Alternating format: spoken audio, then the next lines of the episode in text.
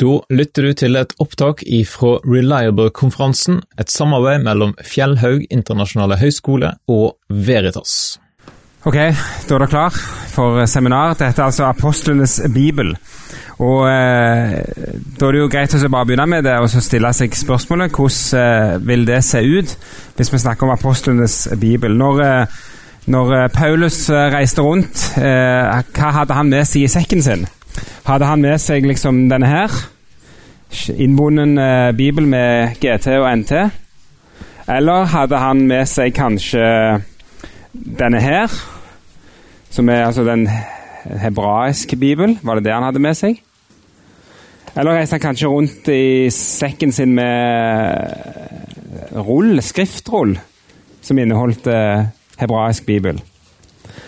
Eller kan det være at eh, Paulus reiste rundt med det som ofte kaller for septuaginta, som er altså en gresk eh, bibel. Et gresk gammeltestamente. Her har jeg til og med en engelsk oversettelse av den greske. Eh, den inneholder til og med flere bøker enn en den vanlige bibelen vi har. og For litt reklame da, så ble de gitt ut i fjor, en ny oversettelse. Og Hans Johan som sitter bak der, har til og med bidratt tungt i den oversettelsen. Nå har jeg bare dessverre bak bokmålen her. Eh, det er jo en skam, siden han står bak nynorskversjonen, da. I alle fall, altså Vi kan jo stille spørsmålet hva, hva er apostlene sin bibel? Hva var det de brukte når de, når de for rundt uh, i, i Romerriket uh, og, og forkynte? Paulus han skriver i, uh, i 2. Timoteus brev til sin venn Timoteus Når du kommer, så må du ta med deg kappen som jeg lot bli igjen i Troas hos Karpos, og bøkene, framfor alt pergamentrullene, sier Paulus, eller skriver han i brevet. Eh, det er kanskje et inntrykk av at det fantes noen bøker, kanskje det var Bibelen, og at Paulus hadde med seg noe. Men i utgangspunktet så, så må vi nok justere vårt bilde av hva vi tror eh, om, om, hva som er apostlene sin bibel, og hvordan det har sett ut. Eh, for meg, egentlig er vi ganske, Det vi vet helt sikkert, er jo at Paulus reiste ikke rundt med noe i Nytestamentet. Det hadde han ikke. For det var jo ikke skrevet. Så det han må ha hatt, er i så fall et eller annet versjon av, av uh, Det gamle testamentet, av de, disse skriftene som, som uh, utgjør Det gamle testamentet. Og, og Det gjør også at når vi har disse kjente versene i Nytestamentet, f.eks. om i 2. Timoteus 3,16 om at hele Skriften er innåndet av Gud, så er det primært en referanse til, til Det gamle testamentet. Så Eh, vi beveger oss liksom inn i et landskap som er litt, eh, litt annerledes kanskje enn vi forventer. For meg, Det er så lett å tenke at, liksom, at de hadde jo samme boka som oss, men så var ikke det helt akkurat sånn som vi tror, det som skjedde da. Og Det er det vi skal fokusere på i, eh, i dette seminaret. Og Da er det særlig Det gamle testamentet, siden at eh, apostlene ikke hadde Nytestamentet ennå. Det ble jo skrevet av de mens de reiste rundt, og helst eh, litt, litt seint i deres karriere òg. Ehm, så, så, det vi er nødt til å se litt på, eller skal se litt på, er eh, to ting relatert til Det gamle testamentet. Det første som jeg skal bruke litt tid på, er det som er den litt oppbyggelige tingen, eh, som er knytta til eh, hvordan apostlene tolker Skriftene. Og ikke minst hvordan de får en helt ny måte å tolke på. Det skal jeg bruke litt tid på. Og så skal jeg i andre halvdel bevege meg over den litt mer utfordrende delen, som handler litt om eh, hva slags type tekst de faktisk forholdt seg til. Eh, der dukker det opp noen spørsmål som eh, er litt mer utfordrende for oss. Så Det blir liksom de to hoveddelene av dette seminaret. Først litt om hvordan de tolker Det gamle testamentet, og så etterpå hva slags type Gamle testamentet hadde de. Så, og, og, ja, og, det har litt å si, og mye å si for oss. Eh, aller først kan vi jo bare slå fast eh, en ting. og det er det at eh, Hvis du slår opp i Det nye testamentet, så vil du ganske raskt finne, særlig hvis du har eh, Bibel 2011, så vil du oppdage at det er ganske mange plasser i Nye testamentet er en del ting som står med kursiv. Og, og med innrykk, til og med, og kursiv. Og Det er fordi at eh, da er det sitater fra Det gamle testamentet. Og Blar du gjennom Nytestamentet og kikker på det, så vil du oppdage at det er ganske mange plasser hvor det er helt åpenbart at det til og med de siterer fra Det gamle testamentet. Noe som beviser at apostlene var, det var viktig for dem med, med Det gamle testamentet, og de bruker, den, eh, bruker, det mye. Og I Bibel 2011 så har de også lagt til bakerst i liksom, tilleggsdelen av Bibelen så har de tatt med en oversikt over hva bøker i GT som er mest sitert i NT. Og Hvis dere kikker på den oversikten, så vil dere se at det er eh, Mosebøkene, og det er Jesaja og det er salmene som oftest blir henvist til og, sitert ifra av Nytestamentets forfattere. Noe som også viser at det var tre skrifter som på en særlig måte var viktig for, eh, eh for eh, Nytestamentets forfattere. Og som også samsvarer med det som at det står at Jesus utla for disiplene sine det som sto om han, både i loven, Mosebøkene, profeten, eller profetene, som Jesaja representerer, og skriftene eller salmene, som jo da salmenes bok representerer. Så viser det at det, fra, det er en overvekt fra alle, alle tre skriftgruppene er tungt representert i Det nye testamentet. Så det er også spennende å gå inn og kikke nærmere på de plassene hvor, eh, hvor en henviser til GT og bruker GT. Eh, hva sammenhenger er det de gjør det i? Eh, og Da må en egentlig gå liksom, skrift for skrift og plass for plass, men en kan i alle fall se noen tendenser. Eh, en tendens er for at av evangelistene, de fire, så er det Matteus som oftest tyr til GT.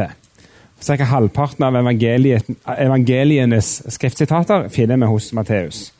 Og Han bruker de i, hvert fall i tre hovedsettinger. Eh, Matteus Eller han, han bruk, altså, Det er når Jesus er i stridssamtale med fariseere. Da er det ganske ofte at Jesus eller at Matteus får med seg liksom, og, og, peker på at Jesus siterer fra Det gamle testamentet i disse samtalene. Logisk nok, siden de var jo også skriftlærde, de, så det var en debatt mellom teologer. Vi finner òg en del plasser eh, i forbindelse med ulike hendelser i Jesu liv som forklares med eh, Eh, at dette her står skrevet sånn og sånn, eh, det som skjer nå. Jesus sier det sjøl, eller, eller, at òg Matteus legger det til. Og så har vi òg en egen kategori i Matteusevangeliet, der Matteus veldig mange ganger liksom skyter inn sin egen stemme, og så sier han dette skjedde fordi det skulle oppfylles som sto skrevet ved profeten, og så siterer han et eller annet fra GT. Og Matteus gjør det særlig i forbindelse med Jesu fødsel, for å gi tyngde til, til liksom, det at Jesus ble født. Så, så, vi ser liksom at det er noen, noen uh, kategorier, nærmest. da. Hvis vi tar apostelgjerningene, så kan vi også se en tendens. og det er at, uh, at det er særlig sånne litt sånn apologetiske og forklarende sammenhenger at uh, en tyr til Det gamle testamentet. når når apostlene skal bevise at Jesus er Messias, så bruker de GT. når de skal bevise at evangeliet er oppfyllelsen av Guds historie med Israel, så bruker, bruker de GT aktivt. Eh, og når de skal bevise og forsvare og forklare at evangeliet òg er for hedninger, ikke bare for jøder, da bruker de eh, skriftsitater for GT. Og så er det En annen ting som preger apostelgjerningene og til dels Lukas, det er at det er en del sånn språkherming. Altså Han bruker litt sånn gammeltestamentaktig språk. Så det blir som at jeg skulle godt sagt at eh jeg gikk ut på Holbaksplass og se en trikk kjørte forbi, og den var overmåte stor. Det blir litt sånn, Bruker litt sånn type språk, da. Eh, for å vekke assosiasjoner til, til skriftene. Eh, så det, det, det, det, preger litt Lukas, for han skriver egentlig litt sånn fin gresk, men så har han mange plasser litt sånn der GT-språk, og dermed så skaper han koblinger på den måten. Samme gjelder brevene. Mange, mange GT-sitater er knytta til. Og for i Paulus-forskningen så har det vært en stor og er en stor debatt knytta til Paulus' bruk av GT. Er det liksom bare språklig krydder eh, som man bare hiver på for liksom å pynte litt? Eller er det liksom for å virkelig nå skal han skikkelig slå fast noe? At han siterer GT. Og ja Tendensen er nok at det er det siste, da, at det er for å virkelig slå fast noe. For Paulus er en skriftlærd, eh, og når han virkelig skal slå fast noe, så siterer han fra GT. Det er mer enn språklig krydder for, for, Paulus. Så I sum kan vi gjerne si at det, det er veldig sånn påfallende at hver gang apostlene skal si noe viktig, noe som virkelig står fast, da har de en gjennomgående tendens til å hente fram bevis fra Skriftene. For å bevise det med at det her, Skriftene, GT, sier dette her, og derfor så, så er dette her sant og viktig. Så vi kan være helt sikre på at uh, apostlene trenger å bruke GT, og de, de, gjør det særlig når det er viktige ting de vil, vil, de vil understreke. Og Det bringer oss inn på det første eh, hovedpoenget, nemlig det her med at apostlene eh, Det skjer noe helt, helt nytt med dem.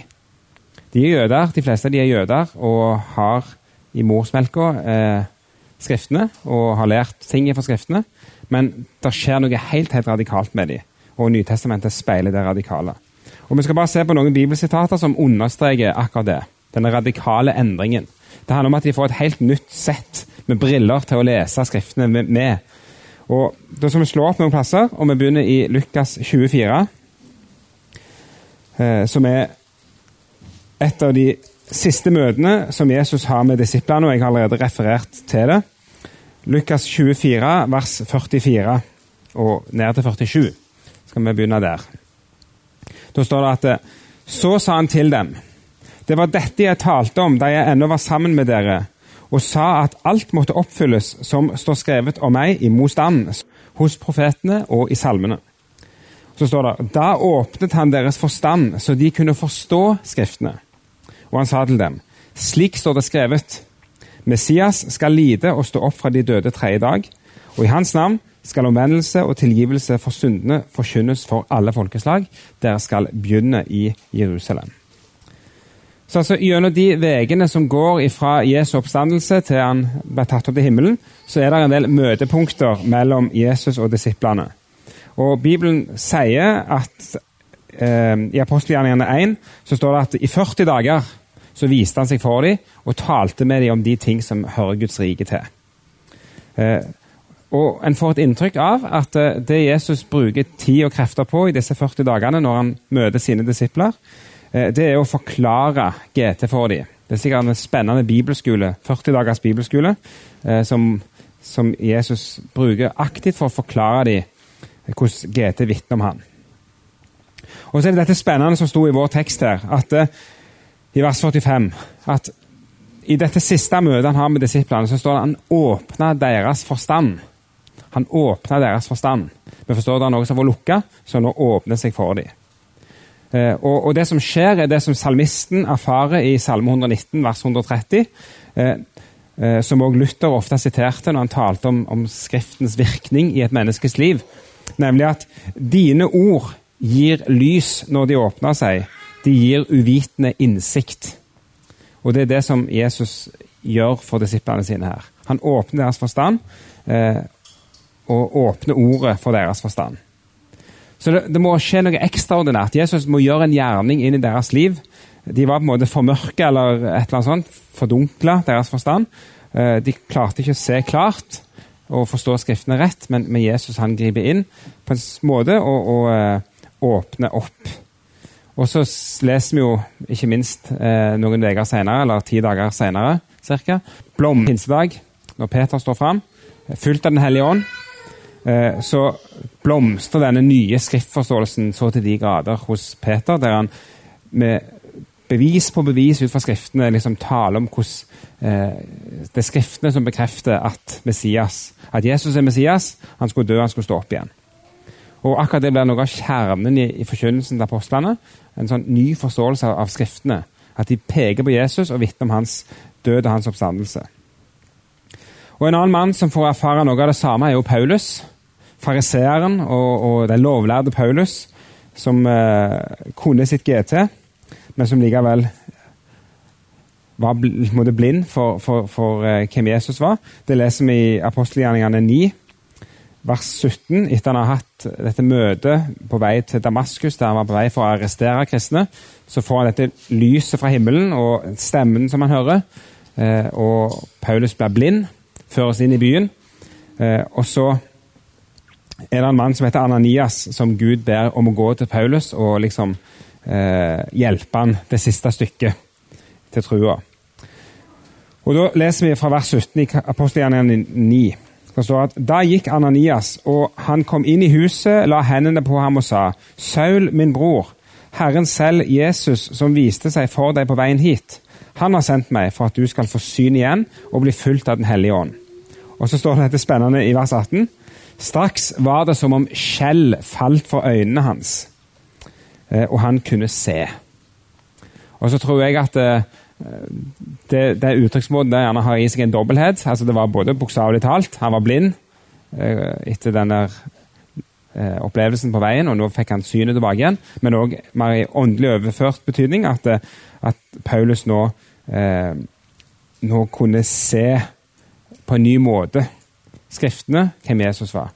Og så er det spennende i vers 20 eller 1920, han ble noen dager i Damaskus etter dette her, og det står straks forkynte han Jesus i synagogen. Straks. For Paulus kunne sitt GT. Han trengte bare liksom at uh, skjellet datt vekk fra øynene, så han fikk se at dette handler om Jesus. Og så var han der med en gang og kunne forkynne og overbevise om, om, at Jesus er Messias ut ifra GT. Men igjen, det måtte et under til. Det måtte en åpning av forstanden til. Så gjenfinner vi dette her hos Paulus eh, videre, og det blir en del av hans eh, program òg. Vi kan slå opp f.eks. i 1. Korinterbrev, kapittel 15. Som òg er en sånn viktig tekst når det gjelder eh, det her med, med, det nye blikket de har på GT. Da skriver Paulus eh, en slags oppsummering av sitt evangelium, det han forkynner. Og så sier han det at i 15 vers 3-5 For først og fremst overga jeg til dere det jeg selv har tatt imot. At Kristus døde for våre synder etter Skriftene, at han ble begravet, at han sto opp den tredje dagen etter Skriftene, og at han viser seg for Kefas og deretter for de tolv. Men legg altså merke til døde for våre synder etter Skriftene. Etter Skriftene. Sto opp fra de døde tredje dag etter Skriftene. Altså Det er i samsvar med Skriftene, det som Paulus lærer om Jesus. At han døde, at han sto opp igjen. Det er i samsvar med Skriftene. Eh, og, og det er det han òg i sin forkynnelse prøver å understreke og vise dette her. Eh, og Hvis dere blar til apostelgjerningene 17 Det blir sånn, eh, noen glimt fra Paulus her. Eh, så får vi en, en liten sånn artig tekst som, som uh, sier noe om hvordan Paulus forkynner. Hvis du ser I apostelgjerningene 1711 så står det en liten sånn Hva skal vi kalle det for uh, ros av jødene som bodde i en by som heter Berøa, og måten de mottok Paulus på. Det står der at eh, jødene der i Berøa hadde et edlere sinnelag enn de i Tessalonika. Og de tok imot ordet med all velvilje og gransket skriftene daglig for å se om alt stemte. De gransket indikerer for daglig for å se om alt stemte, altså det som Paulus forkynte. Og, og Det indikerer for meg at uh, Paulus i sin forkynnelse og sin undervisning han gjorde det på en måte som gjorde at de kunne gå hjem eller gå til nærmeste skriftrull eller hva de hadde, og, og sjekke om dette stemte. Altså, Paulus har vært etterrettelig. Han har utlagt skriftene på en sånn måte at det var mulig å ettergå det han sa. Eh, og på den måten så, så, gjorde han det tilgjengelig for dem. Eh, og en, en, så kan vi ta med oss en siste formulering òg, og det er i innledningen av Romerbrevet, kapittel 1 vers 1-3 i, i Romerbrevet. Der finner vi det siste sånne uh, ordet som jeg vil lufte fram. Om uh, det her nye, nye blikket de har på Skriftene. Da skriver Paulus i sin introduksjon til dette brevet Han skriver Paulus, Kristi Jesu tjener, hilser dere. Jeg som er kalt til apostel og utvalgt til å forkynne Guds evangelium. Det som Gud på forhånd har gitt løfte om gjennom sine profeter i hellige skrifter. Det er evangeliet om hans sønn, Jesus Kristus vår Herre, kommet som menneske av Davids ett. Men Der finner vi det samme. Eh, evangeliet om Jesus er noe som Gud har gitt løfte om gjennom profetene i hellige skrifter, sier han. Eh, og så merker vi også at det er evangeliet om Jesus og at Paulus betoner. Her står det ikke så mye om, om eh, Her står det at, eh, at, at eh, han er vår Herre, at han kom som menneske, og at han er stått opp for de døde, kommer det i vers 4. Altså, det, er noen punkter om, i evangeliet som han dette er i samsvar med det som Gud har lovt i Skriftene ved profetene. Um, så I sum så ser vi en veldig sånn tydelig poeng, et viktig poeng. Nemlig at Jesus og budskapet om Jesus og fortellingen om Jesus og det han gjorde, det er liksom selve linsa, eller hva vi skal si, eh, som, eh, som eh, de apostlene leser skriftene Det gamle testamentet gjennom. De var jøder, de kunne sitt GT, Men møtet med Jesus det forandrer de fullstendig. Han åpner deres forstand, skjeller dette fra øynene på dem. Eh, de får en helt ny måte å forstå på. Eh, og, på den måten så, så eh, leser de og forstår Skriftene på en ny måte. Og, nettopp Den forskjellen er jo det som har fulgt forholdet mellom kirke og synagogen siden òg. Så tenker jeg forhold til jødene. at for Det skriver Paulus også om, at det er nærmest et dekke som henger fra ansiktet på dem, hans jødiske brødre. Når de leser Moseloven, så er det et dekke de ser ikke klart. liksom. Det skriver han i romerbrevet om, om, om, om, en nød han har. At, at, de ikke forstår dette her. Eh, og, og, og, det gjør at det, hvis vi for bare sammenligner oss med jødene, som jo har samme GT som oss, i alle fall, samme skrifter, så er det en fundamental forskjell i hvordan vi leser dette her. Vi som tror på Jesus, vi leser Skriftene. Vi leser denne her eh, boka her, hebraiske bibelen, med et helt annet blikk enn jødene gjør. Og Det er jo fascinerende at det, eh, det kapittelet i Det gamle testamentet som er viktigst for oss når det gjelder å finne Jesus i GT, det er jo Jesaja 53, regner med kanskje dere tenker på. Det viktigste kapittelet for oss, der vi finner så tydelig en profeti om Jesus, og vi kan også gå etter i NT og se hvor mange ganger Nytestamentets forfattere leser og henviser til den. Av alle ting som ikke leses i synagogen, og som ikke er en del av lesesyklusen i synagogen, så er det Jesaja 53. De hopper over den. Den er liksom ikke en del av deres lesning, til og med. Det som er viktigst for oss, er liksom ikke viktig for deg i det hele tatt. Det er noe de unngår å lese. Det sier noe om hvor totalt fundamentalt forskjellig vi leser Det gamle testamentet, vi som tror på Jesus, og de som har samme bok, men som ikke anerkjenner Jesus. Det skjer noe annet eh, med apostlene.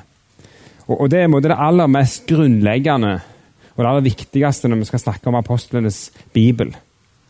Det er at de, de skriftene som de har for hånda, de blir lest på en totalt ny måte en totalt ny måte. De blir lest eh, med Jesusblikket, med en tro på at Jesus er Israels Messias. Og, og, Det kan vi granske og gå etter alle bøkene igjen til og finne om igjen om igjen at det er noe som slås fast. Så Det er liksom det første poenget som jeg ville understreke i dette seminaret. Eh, det er altså at det er, eh, er en helt ny måte å forstå Skriftene på når vi snakker om apostlenes GT. Og Det er det, det viktigste og, og liksom mest grunnleggende viktige i, ja, i, dette. her. Men det var et spørsmål. Skal få stille det.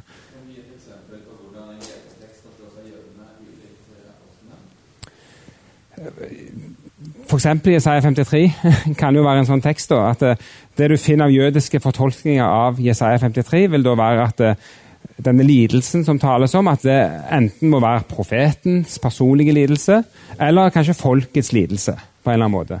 Eh, mens altså da, apostlene jo Nei, det handler om Jesus, han som er Messias. Det er et, sånt, et uh, konkret eksempel, og det ville vært flere langs samme, samme linjene. da. Men så kommer vi til, til, den litt mer utfordrende delen, og det er knytta litt mer til eh, hva slags bok, eh, hva slags GT de egentlig har, da, disse her apostlene som reiser rundt og, og forkynner. Eh, nå har jeg allerede vist dere noen versjoner her. Jeg har vist dere en, eh, en, en hebraisk versjon. Det fins en gresk versjon som vi kaller for Septuaginta. Jeg skal si etter hvert hvorfor den benevnelsen kanskje kan være litt misvisende, men likevel. Vi har noen versjoner av, av GT. Um, og, og, det er til og med sånn at det, eh, denne hebraiske versjonen her, som er den vanlige printa uh, versjonen som eh, vi bruker i, på Fjellhaug når vi lære hebraisk med, og, og greier. Den, den, versjonen er basert på et håndskrift som eh, ble skrevet ca. samtidig med at Olav Tryggvason kjempet sine kamper eh, som vikingkonge i Norge på 1000-tallet. Så det er jo en ganske, ganske ny eh, sånn sett versjon. Eh, samtidig som vi vet heldigvis at, eh, at han er likevel såpass presist overlevert at vi kan ha tillit til at eh, at denne teksten eh, er gammel for det. Men, men det sier jo litt om, om hva materialet vi har for hånda. Og, og, så vet iallfall at denne her hadde ikke Paulus, eh, sånn som vi har den. Det, det er en eh, manuskript som, som, er, som er for tusentallet, som, som den er basert på. Så det som måtte være forskjeller mellom den og det Paulus hadde, det er iallfall eh, De er der iallfall. Enda mer komplisert blir det hvis vi bringer inn denne her versjonen, da, altså den greske oversettelsen av, eh, av GT. Eh, opphavet til den, altså Septuaginta, den finner vi helt tilbake på kanskje så mye som 200-tallet før Kristus. Jødene i Alexandria i Egypt, som var, det var jo det store lærdomssenteret i den gamle verden, de fikk ordna med en oversettelse av Moseloven. Det fins noen legender om hvordan dette skjedde, eller noen historier om hvordan det skjedde. Eh, og vi antar at noe av det er litt overdrevet, men, og, men, men de, en, en, ganske vanlig versjon er at 70 eh, personer, eh, skrifter det ble sendt fra 70 eller 72, kom fra Jerusalem for å oversette det hebraiske bibelen til gresk. Eh, og at de gjorde det på 70 dager. Og den heftigste versjonen sier at de satt i hver sitt rom uten å ha kontakt med hverandre, og etter 70 dager så hadde de 70 identiske versjoner av den her. Men så finner du andre, andre som sier mer at nei, de, de var to og to, eller det var at de bare sammenligna og jamførte. Altså, Der det ulike versjoner. Men poenget, og det er nok antageligvis mulig å forsvare historisk, at det, det var en bestilling eh, fra jødene i Alexandria. Eh, et prosjekt som ble satt i gang, kanskje er det de 50 eller 72, som gjorde denne jobben. Og fikk oversatt Mosebøkene, de fem Mosebøkene til gresk. Og så skjer det òg etter hvert at eh, flere av disse jødiske skriftene, altså vårt GT, blir oversatt til gresk. Og, og det er jo den utgaven her som, eh, som ble den, den viktige boka for eh, den første kirka. Eh, for kristendommen i, på vestsida av Jerusalem vokste jo fram i langs middelhavsområdet, i det området hvor en snakket gresk. Og, og gresk var liksom sånn som engelsk for oss i dag. Et språk som funka, liksom på tvers av eh, kulturer og ulike morsmål. Eh, og så, så, For de første kristne så er liksom Septuaginta, eller disse greske skriftene, en, en hoved... Eh, en hoved det var deres hovedbibel, egentlig. Så disse greske skriftene, Det som har skjedd i, i moderne tid, er at disse gamle greske skriftene eh, Bibelforskere har gått gjennom eh, de gamle manuskriptene, og så har de liksom bestemt, eller ved hjelp av kriterier, hva som er de beste og, og mest eh, eldste gjerne manuskriptene. Så har de samla de mellom to permer og gitt det navnet Septuaginta. Så nå har vi ei bok som heter Septuaginta, eller ja, The Septuagint, som den heter på engelsk, da, eh, med greske bøker eh, som i tillegg til å være de samme som i vårt hebraiske GT, og inneholder et par, en, en bunch andre bøker som, som, som sagt vi kaller for apokryfene. Um, og så er måte, Det skaper en misforståelse, for, for det får oss jo til å tenke at liksom, Paulus han uh, tok seg Septuaginta i lommen og satte kursen for uh, Korint eller et eller annet sånt, for å, å reise seg opp i synagogen og fant fram sitt Septuaginta, slo opp og, og leste. Og, og, sånn var det ikke. Eh, så vi, vi, lurer oss litt sjøl når vi liksom snakker om det som ei, ei, bok som de hadde. Så det er nok mer presist å snakke liksom om, om, om de greske skriftene. altså den den greske versjonen av, av, uh, av de jødiske av uh, et eller annet i den duren der er nok en mer presis betegnelse. Hvis dere har lyst, kan dere gå på YouTube og se et foredrag av uh, Peter Williams hvor han sier, som heter 'Why I Don't Believe in the Septuagint'. Så Der går han gjennom argumenter for hvorfor det er upresist å snakke om det som ei, ei enhetlig bok som Paulus liksom hadde i lommen og, og reiste rundt med. Men det har vokst fram, og, og, og det var Det vi i alle fall er helt sikre på, det er at Apostlene og de første kristne de hadde altså greske oversettelser. Greske versjoner av GT. Så det, det kan vi liksom uh, være, være, sikre på at, uh, at det var tilfellet. Uh, men så er det da sånn, og det er jo det som er litt Når det begynner å bli litt skummelt, kanskje, det er at når vi da begynner å sammenligne disse her, lese på inn, innholdet i de, så ser vi at det ikke alltid likt. Det er forskjeller mellom de. Eh, og Jeg kan ta noen eh, enkle eksempler på det. Eh, et eksempel er fra Jesaja 53, vers 11 i Jesaja 53. Der, hvis du tar opp denne boka her, den hebraiske GT og så skal jeg nå lese sånn som det er oversatt i en norsk versjon, da, som bygger tett på den hebraiske teksten. Der står det at fordi hans sjel har hatt møye, skal han se det og mettes, står det i en 88-bibelen. skal han se det og mettes. Og dette ordet 'det' som vi, skal holde i hodet vårt. Eh, for Hvis vi leser samme teksten på hebraisk, så, der, så står det bare 'skal han se og bli mett'. Så Det mangler et objekt der. Det står ikke hva han skal se. Og så har 88 i Bibelen de har føyd til ordet 'det', og sikkert med hensikt å peke tilbake på noe som sto i vers 10 om etterkommere. Han skal se etterkommere og mettes. Et eller annet sånt. De, de, har, de har føyd til, eller de har lagt til ordet 'det', for, for det mangler et objekt her. Det står ikke den hebraiske teksten hva han skal se. Og det er spesi. Det, det passer ikke med grammatikken at det mangler et objekt der. Hvis vi derimot slår opp i Septuaginta-versjonen, eller altså den greske Jesaja-versjonen, så finner vi noe annet. Der står det eh, at han skal se lys og mettes. Så, så der er det et objekt på hva han skal se, nemlig lys. Og, og Det er kjent helt fra antikken av at det, det står lys i den greske Jesaja-boka. Men det står ikke noe ting i den hebraiske Jesaja-boka. Og, og, Det har måte skapt liksom, ok, hva, hva gjør vi nå? Eh, og, men hvis du da slår opp i Bibel 2011, så vil dere se at der står det nå lys. Skal han se lys og, og mettes. Så dette objektet som ikke finnes i den hebraiske bibelen, men som finnes i den greske, det er nå lagt inn i Bibel 2011. Og En av grunnene til at en har gjort det, er at eh, når de gjorde disse store funnene eh, av de såkalte dødehavsrullene Kjenner dere til de? ble funnet på slutten av 40-tallet. Nede i Israel med Dødehavet så fant de masse fragmenter. Og et, en av de tingene de fant, var en svær Jesaja-rull som var på hebraisk. Og det som var spennende var at I den Jesaja-rollen der hadde de med lys.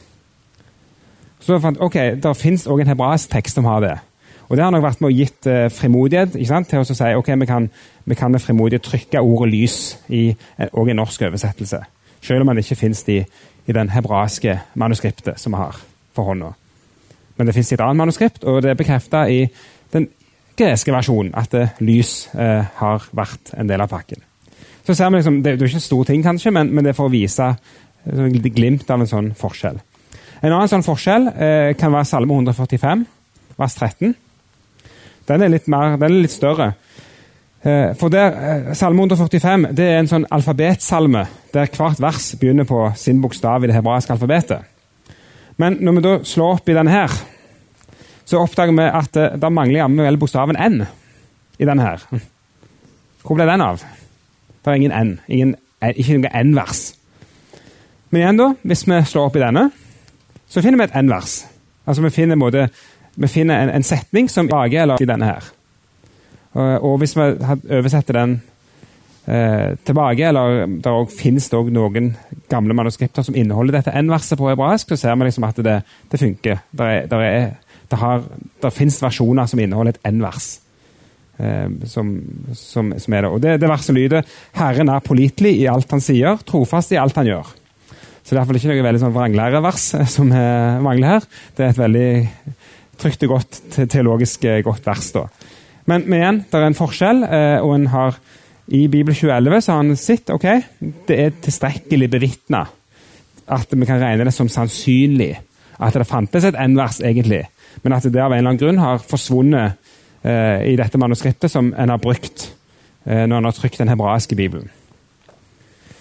Eh, og Sånn kunne vi også gitt flere eksempler på, på liksom sånne forskjeller mellom den greske og den hebraiske eh, GT-versjonen, for å si det sånn. da. Eh, I tillegg til det som jeg allerede har nevnt et par ganger, at eh, en vanligvis eh, opererer også med at der, sant, disse apokryfene der er altså bøker som er relatert til den greske eh, versjonen av GT, som ikke fins til den hebraiske. Og at bøkene står i en litt annen rekkefølge. Så det er noen sånne forskjeller eh, som, som vi skal merke oss.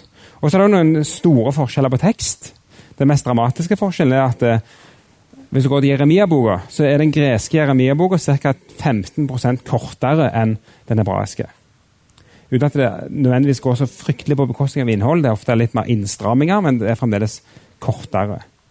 Og så er det også en, del, en hel seksjon i Jeremia-boka som er plassert en helt annen plass i den greske enn den hebraiske. Mot slutten av Jeremia-boka er det en del domsord mot fremmede folkeslag, og de er flytta mye lenger fram i den greske Jeremia-boka. Så det er åpenbare forskjeller mellom, mellom de som er store Det er mye mer enn lys, som vi hadde i Jesaja 53. Så kan vi spørre, hva, hva, er poenget med at jeg skal bringe, hvorfor skal jeg heller blande inn denne boka her, da? Eh, greske versjonen. Vi, har jo, vi oversetter jo vår bibel fra denne her. Men det er da liksom eh, den litt utfordrende tingen kommer på banen, nemlig at hvis vi da leser i vårt NT disse mange sitatene i NT som er henta fra GT, så vil vi oppdage, kanskje til vår forskrekkelse, at de fryktelig ofte eh, spiller på den greske versjonen. Og i en del tilfeller hvor den greske er annerledes enn den hebraiske. Og Da kan du etter begynne ut hva i verden er det som foregår nå. Sant? Da kan vi begynne å bli litt sånn usikre her. Er det ikke reliable allikevel, det vi holder på med? Eh, når vi ser at apostlene synes å, å leve godt med at eh, en versjon er annerledes. Og, og, Da kan vi se på noen av de eksemplene som jeg har delt ut på denne handouten. Eh, der har jeg satt opp med noen tabeller. Eh, og jeg har tatt tre eh, eksempler som jeg skal bare prøve å gå litt raskt gjennom. Eh, det første er Jesaja 7, vers 14, sånn som den er sitert i, hos Matteus. Det er profetien om, om jomfrufødselen. Og da er det sånn at I den hebraiske teksten så brukes det et ord som eh, naturlig oversettes med 'ung jente'. Mens det i den greske versjonen brukes et gresk ord som er liksom vårt, likt med vårt ord jomfru. Mer som en sånn teknisk benevnelse for ei jente som ikke har hatt seksuell kontakt. Så kan det sies at dette ordet 'ung jente' på hebraisk òg ofte har i seg det samme, men, men det, er, det finnes et annet ord på hebraisk som liksom ville vært mer naturlig å bruke hvis det var det du skulle poengtere. Så, så, så det er tydelig at, at, den greske versjonen har liksom si, stramma inn litt på, på eh, betydningen av dette ordet 'ung jente' som var brukt på hebraisk. Og gjort det tydelig at det er jomfru. Det er ikke bare ung jente, men det er virkelig ei jomfru. Men som sagt, eh, det fins et annet ord på hebraisk som gjerne ville vært mer naturlig å brukt. Det var en stor debatt som òg eh, skjedde når, eh, som, når Bibel 2011 kom på markedet. altså måten at en, at For tradisjonelt i norske men så har en da fulgt Septuaginta, eller den greske versjonen, og skrevet 'jomfru' i Isaiah 7. Men nå, fra 2011, så bytta han ut jomfru med ung jente. Og Det ble en stor debatt, for har nå Bibelselskapet ditcha jomfrufødselen? ikke sant? Eh, det hadde de jo ikke, for de har jo med Matteus, så den er jo ikke ditcha i det hele tatt. Men, men det er gjort en endring i, i den gammeltestamentlige teksten. Men, men, det som er poenget er jo, som er interessant for oss, er å se at uh, Matteus, når han skal liksom si noe om å bruke et skriftbevis på at Maria er jomfru, så passer jo hans formål veldig godt at det der i den greske versjonen er en, brukt et begrep som, som eh, har skrenka inn kan man nesten si, den hebraiske eh, betydningen. Og faktisk så er det sånn at eh, I revisjoner som gjøres av, av den greske Jesaja-teksten, revisjoner som ble gjort av jøder utover 200-300-tallet, så ser vi faktisk også at de har bytta ut i den greske teksten eh, jomfru med et sånn ung jenteord. Det var nok fordi de var i heftige debatter med de kristne om det. Men da hadde jo de selvfølgelig et svar. Ja, men det sto lenge før dere endra det, så sto det jomfru. Så eh, de som oversatte det opprinnelig, de trodde det var jomfru. Men, men det viser at eh, her, her, har Matteus eh, til og med hatt nytte av en forskjell, nyanseforskjell mellom den greske og den hebraiske teksten. Hva gjør det med hvordan vi tenker om dette her? Det er spørsmål som kan, som kan henge i lufta. Vi kan ta et annet eksempel, og det er fra Amos 9, som jeg har med på arket. Og Måten det er gjengitt på i apostelgjerningene 15, vers 16-18. Det er litt mer komplisert avsnitt, for eh, der, har, eh, der innleder eh, Det er Jakob som, som, skal si, som et argument, et innlegg på et møte der de diskuterer hedningene sin plass i kirka. Der Jakob måtte bruke et skriftsitat for å si jo, det, der er rom for at ikke-jøder skal kunne være kristne. Og Da står det at han, han, han henviser til profetene i flertall, så det er tydelig at det, det, er, nok, det er nok, mer som skjer i dette, vers, dette avsnittet enn det, jeg, enn det, jeg, skal si nå. Eh, det er iallfall ett poeng vi skal merke oss, og det er det som står i vers, eh, eh vers 17 eh, i Apostelhjernen 15, som et sitat eller som er nesten identisk med Amos 9, vers 12. Eh, i, I den greske versjonen av Amos 9, vers 12. Så jeg bare merket forskjellen her. at I vers 17 så står det at i apostelgjerningene 15-17 så står det For at resten av menneskene skal søke Herren, alle folkeslag som navnet mitt er nevnt over. Hvis vi nå beveger oss tilbake til GT, og vi tar det hebraiske GT, og kikker i Amos 9,12, som jo Jakob siterer her, så ser vi at det er ganske annerledes. Der står det så de kan ta resten av Edom i eie, og alle andre folkeslag som navnet mitt er nevnt over.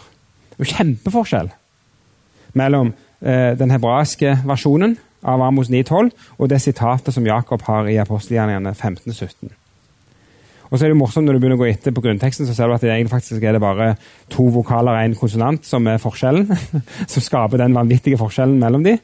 Eh, men likevel, det er en helt åpenbar forskjell for det om imellom det sitatet som er gjengitt på gresk i apostelgjerningene 15, og det som står i, i den utgaven av den hebraiske bibelen som jeg har her. Helt klart en forskjell.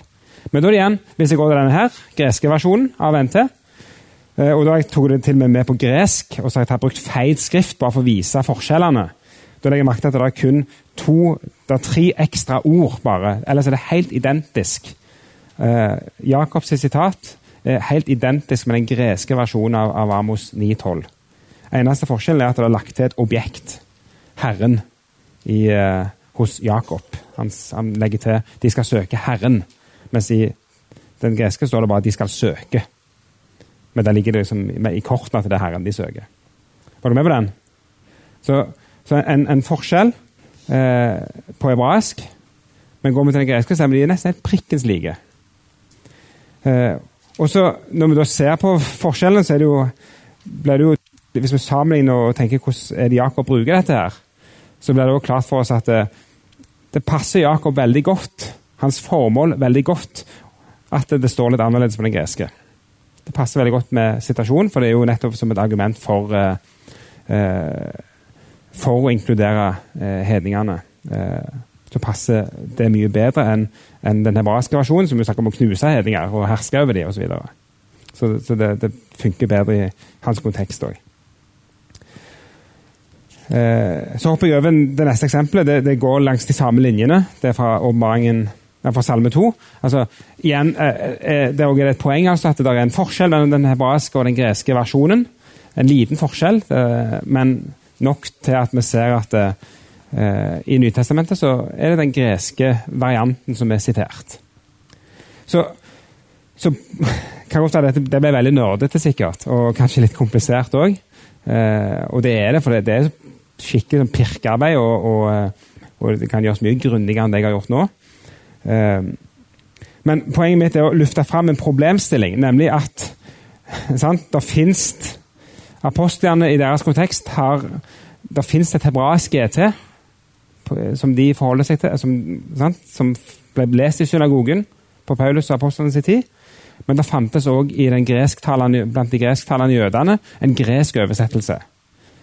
Eh, eller greske oversettelser. For noen bøker fins det forskjellige varianter, til og med. Eh, og så ser vi at Nytestamentet siterer av og til plasser som ligner mye mer på den greske versjonen. Og ikke bare det, men, men også det er veldig beleilig å sitere den greske. Det, det, får mye bedre fram deres poenger eh, med den greske versjonen. De har liksom en sånn, eh, og, og, det utfordrer litt hvis vi, det utfordrer i hvert fall meg hvis jeg har veldig sånn Det er kun dette her. Og, sant? Eh, for det er tydelig at apostlene er litt mer sånn litt løsere eh, i sin tilgang til dette. Men det er et spørsmål eller kommentar. Eh, da man ikke har noen uh, utgave av den hebraiske versjonen før på 1000-tallet, mm. hvor sikker er man på at, at den er mer prestisk da enn selvfølgelig? Mm. Eller greske versjonen? Ja. Eh, vi kan være ganske sikre, fordi det er, masse, det er veldig mye likt. Og alt sånt, eh, og, og det er masse eh, liksom, manuskripter som underbygger at dette er overlevert presist. Men det som en ser, som en, nok er en tendens som de fleste som jobber med manuskripter peker på, er at eh, fra og med la oss si 200-300 år før Kristus og framover, så skjer det jo noe helt nytt i verden. For første gang blir det i, som vi vet om, så blir det gjennomført et gigantisk oversettelsesprosjekt. Nemlig de hebraiske skriftene oversettes faktisk til gresk. Det er kjemperevolusjonerende. Eh, så, Så det ene vi skal merke oss, er jo at det, dette første prosjektet er jo basert på at de hva visste vel de da om hva som var bra oversettelse? Vi har jo masse tanker om hva som er en god oversettelse. Og masse erfaring med oversettelse i vår tid. De hadde ingenting skikkelig på den tida. Men, men, de setter i gang noe, noe nytt, og, og de, liksom, veien må nok bli litt til mens de går. Og det gjør at de, de, fleste som Når du følger manuskriptene og utviklingen, så ser en at det, det er en dreining utover mot å trekke de greske versjonene mer likt mer den hebraiske. da, Mer ned på setningsnivå og ordnivå. Så det er en, en bevegelse i, i, den retning. Um, så, så, så, det gjør at uh, vi kan på en måte ikke vite helt sikkert da, hvor uh, altså for Sannsynligvis så, så, var det ikke De hadde ikke med seg en teori om at de måtte oversette ord for ord engang. Eh, kanskje, når de, når de, begynte den jobben der.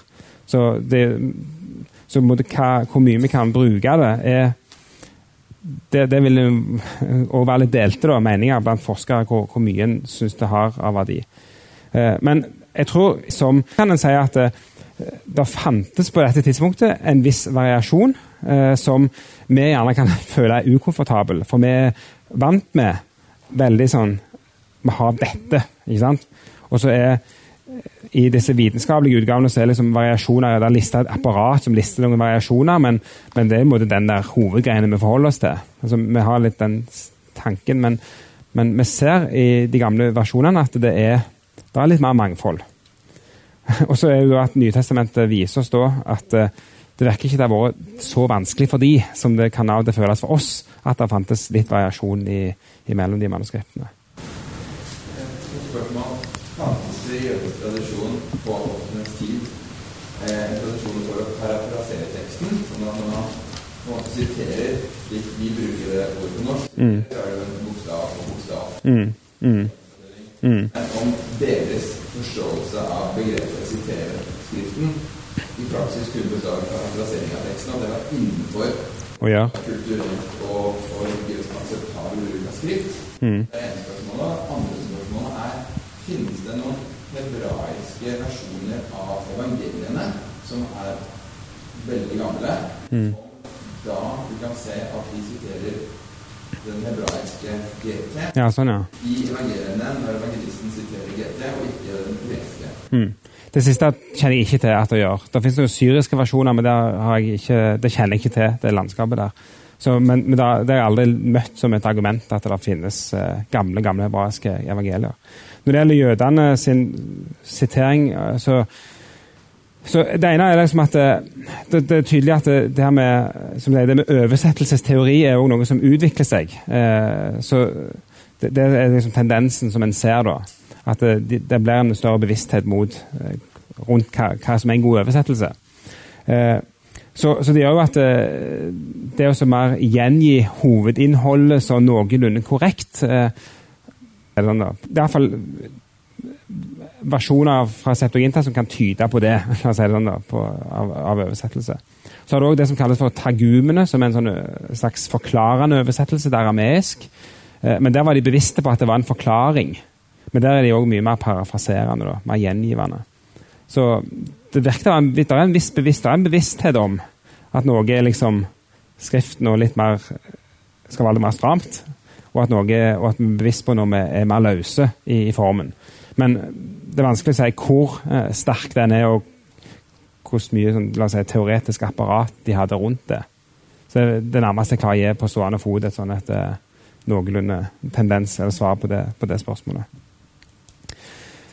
Men eh, Jeg må hoppe litt. Eh, kan gjerne eh, det, det, som jeg gjør nå, er i i en litt trygg kontekst, litt trygg ramme, formeligvis, og løfte fram noen problemstillinger som faktisk finnes her i tekstene.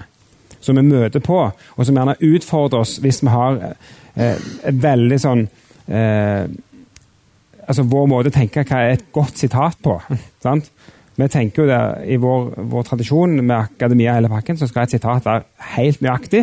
Og i akademia så er det sånn at hvis, hvis, du, hvis den du siterer, har en skrivefeil, så kan du mobbe den ved å skrive parentes 'sikk' utropstegn. Det betyr 'ja, faktisk'.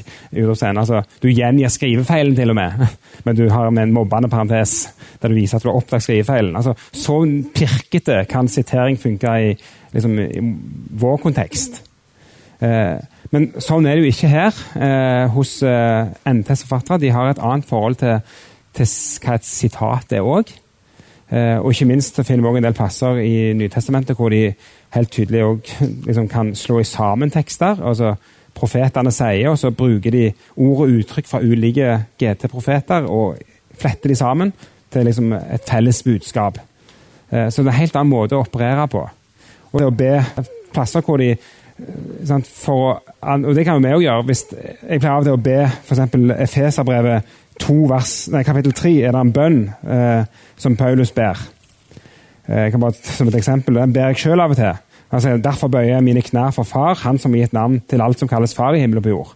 Og Når jeg ber den bønnen for meg sjøl, så sier jeg derfor bøyer jeg kne for deg, Far. Du som har gitt alt. ikke sant? Jeg, jeg, da ber jeg den, jeg skifter på noen ord for å henvende meg. Og, og Sånn kan de òg gjøre. De har en profeti fra GT som de siterer, så kan de gjøre sånne endringer i teksten for liksom å aktualisere den inn i, inn, inn i den konteksten de snakker. Og Da har de jo endra sitat, og da bryter de jo all god sitatskikk. og Hadde det vært en innlevering på Fjellhaug, så hadde de satt rød strek og fysj og fysj, dårlig sitering og trekker karakter. sant? Men for de så er det helt uproblematisk. Det er selvfølgelig kunne du sitere sånn. Så det har litt òg med hvordan en siterer å gjøre. Men eh, jeg, jeg, skal slags eh, jeg tror vi likevel kan, kan si at, at uh, bare data sjøl som vi sitter med, viser oss at det er en, det er en forskjell her. Uh, det fins noen versjoner av GT som var i omløp, som apostlene forholdt seg til, som ikke er helt like. Og det virker ikke det har vært et kjempestort problem for de å kunne bruke den ene til fordel for den andre i noen tilfeller. Uh, og Dette genererte en debatt i den tidlige kirka, hvordan du skulle gjøre dette. her. Særlig utover 300-400-tallet. når eh, for sant, I starten så var det den det var jo den greske versjonen de hadde. de snakket, Det var gresk de brukte. Og når de skulle oversette GT til andre språk, så oversatte de ut fra den greske, de første kristne. Men når du kom inn på 400, eller slutten av 300-tallet, så, så, er det blitt et, fram et behov for å liksom, få revidere eh, det de hadde. Og Da er det en mann som heter Hieronymus, som tar på seg det store ansvaret med å lage en sånn revisjon. Og da, Etter litt overveining så lander han på at eh, jeg skal ha den hebraisette Bibelen, eller GT, på nytt til latin. Og jeg skal gjøre det fra den hebraiske teksten, ikke fra den greske teksten. Og da smalt det jo. da ble det debatt. Og Han og den store kjekke fader Augustin de, de var i tottene på hverandre på dette. her. For Augustin han sier ja, men kom igjen, altså her har vi vi har jo en bibel som er oversatt av 70 stykk på 70 dager, som er helt likt. Det er jo ikke tvil om at Gud har liksom med sin ånd sanksjonert at dette her er dette er profetisk bok. Og så kommer du drassende med noen greier de leser i synagogen, for å overdrive det litt. Altså, Det ble en debatt mellom de om hva som var den beste teksten å bruke. Så det var en levende debatt òg i Oldkirka. Um, og det var til og med eh, men, men, Augustin skriver på slutten av livet sitt at eh, og Her fant en sånn diplomatisk løsning da han satte seg på gjerdet, kanskje. Eh, så sier han at det som mangler i versjonen til de 70, men som finnes i de hebraiske skriftene? Det som mangler her, men som finnes der, sier Augustin, det har Guds ånd villet si gjennom disse profetskriftene. Men ikke gjennom disse. Mens det som mangler i disse, men som fins i disse, det er ånden vil si her i stedet for de. Så Augustin måtte lande med en slags sånn kompromissgreier. At uh, slik viser ånden at begge tekstene er profetiske. og, og, det er noe som uh, bl.a. den ortodokse kirka har levd med det alltid faktisk. De, de, lever med den spenningen, uh, selv om de foretrekker den greske altså, Å oversette sin egen, den ortodokse studiebibelen oversatt fra gresk til engelsk, f.eks. Men likevel så har de måtte levd litt i den spenningen som Augustin trekker opp. Uh, I vest, altså i katolske, da, så vant Eller var det Hieronymus som fikk gjennomslag? Uh, så vulgata, den latinske GT, ble oversatt fra hebraisk og ikke fra gresk. Men de tok med de bøkene som, som var ekstra i, i den greske eh, skriftene. Når du da kom til reformasjonen, som ble den neste sånn store oversettelses-eldorado eh, i kirkehistorien, så velger Luther òg å gå til den hebraiske, i tillegg til at eh, de protestantene òg hiver ut alle andre bøker enn de som står i den hebraiske bibelen. Men de beholdt rekkefølgen fra Septuaginta. Bokrekkefølgen fra Septuaginta. Så vi ser liksom i kirkehistorien at uh, de aller fleste kristne har landa på, på, denne her. Men de ortodokse elever har tillatt seg å leve i spenningen imellom de. Uh, og så er min liksom, litt sånn forsiktige konklusjon kanskje da, at eh, vi kan med rimelig stor sikkerhet si at apostlene synes òg å ha tålt en viss spenning. En viss forskjell, og det har ikke rokka ved deres tro på at dette er hellige skrifter. At GT er hellig skrift. Selv om at de eh, av og til bruker den og eh, Altså, ja. Der, selv om det er forskjeller, da. Eh, og, og, at liksom i stedet for at vi skal la sånne forskjeller få vårt bibelsyn til å kollapse, eh, så trenger vi nok heller å øve oss i å tenke litt annerledes om hva er et sitat? Eh, hvordan tenkte apostlene? Hva kunne de leve med? osv. At det blir sånn det nærmeste vi kan komme et litt mer sånn eh, For å kunne ha skuldrene litt ned på de greiene der. Men det, det er en reell utfordring i, i dette her. Det finnes Det brukes eh, ikke helt likt som vi hadde forventa. Så det ble min litt sånn forsiktige konklusjon på en litt nerdete eh, seminar. Men det, det, er noe som utfordrer oss litt. Eh, men jeg håper at eh, en sånn setting som dette er en liksom trygg plass til å bringe det på banen. Eh, og så kan vi måte, trøste oss med at eh, Paulus tålte det, og hans tru tålte det, så det kan være vår tru tåler òg eh, litt sånne, sånne forskjeller. Da. Er det flere som har noen spørsmål? Vi har tid til ett eller spørsmål, kanskje. Eller to. Dere var gode til å stille underveis òg, så det, det, er fint. Ja, greit. Sier vi takk for, for nå med det.